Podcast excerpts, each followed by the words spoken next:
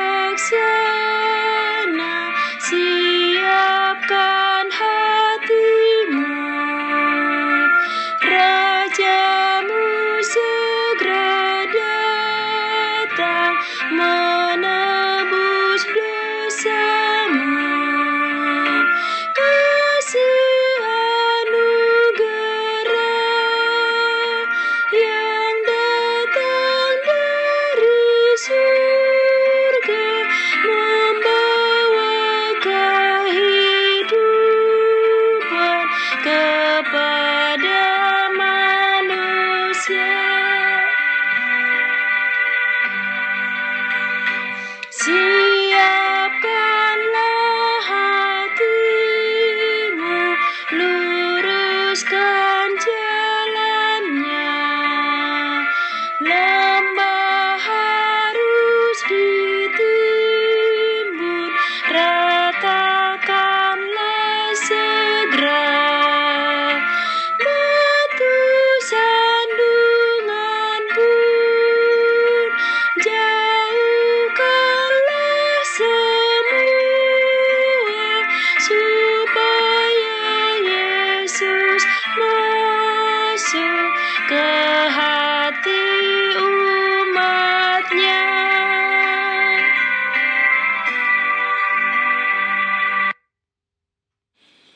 Mari kita berdoa.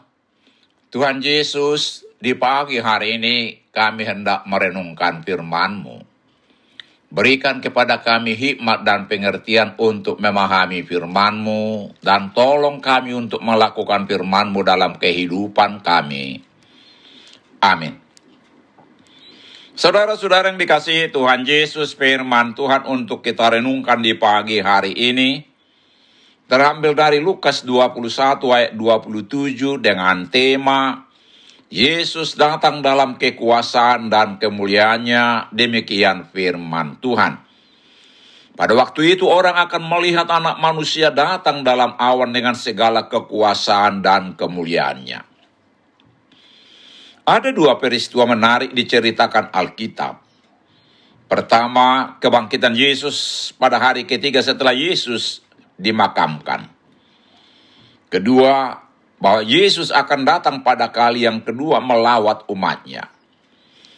Meskipun Alkitab menegaskan bahwa tidak seorang pun mengetahui saat kedatangan Yesus Kristus yang kedua kalinya. Namun kita mengucapkan syukur kepada Bapa di surga karena Allah mengingatkan kita bahwa kedatangannya kembali adalah kepastian.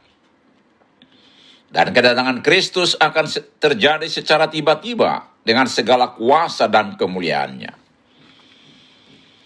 Melalui perumpamaan pohon ara, Yesus mengajarkan bahwa kedatangannya sudah dekat dan akan didahului oleh tanda-tanda yang kelihatan.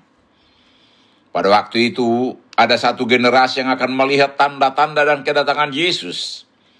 Dan Yesus menutup pernyataannya dengan janji bahwa hal itu akan terjadi. Sekalipun kepastian kedatangannya hanya Bapa surga yang tahu. Dua ayat Lukas 21 ayat 25 sampai 33.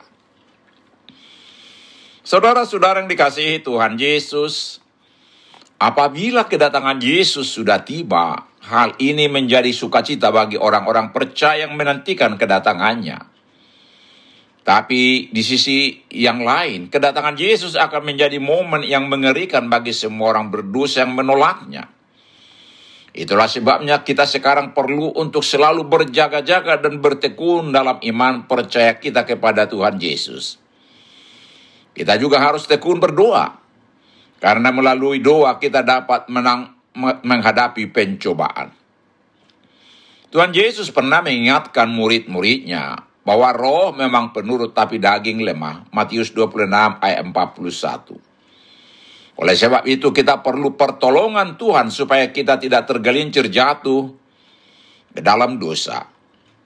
Dengan demikian siap sikap dan perbuatan kita sebagai orang percaya telah siap menyambut kedatangan Tuhan pada kali yang kedua.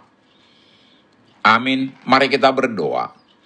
Bapak Surgawi, teguhkan terus iman percaya kami kepadamu, hingga engkau datang menjemput kami dalam kekuasaan dan kemuliaanmu. Amin. Tuhan Yesus memberkati kita.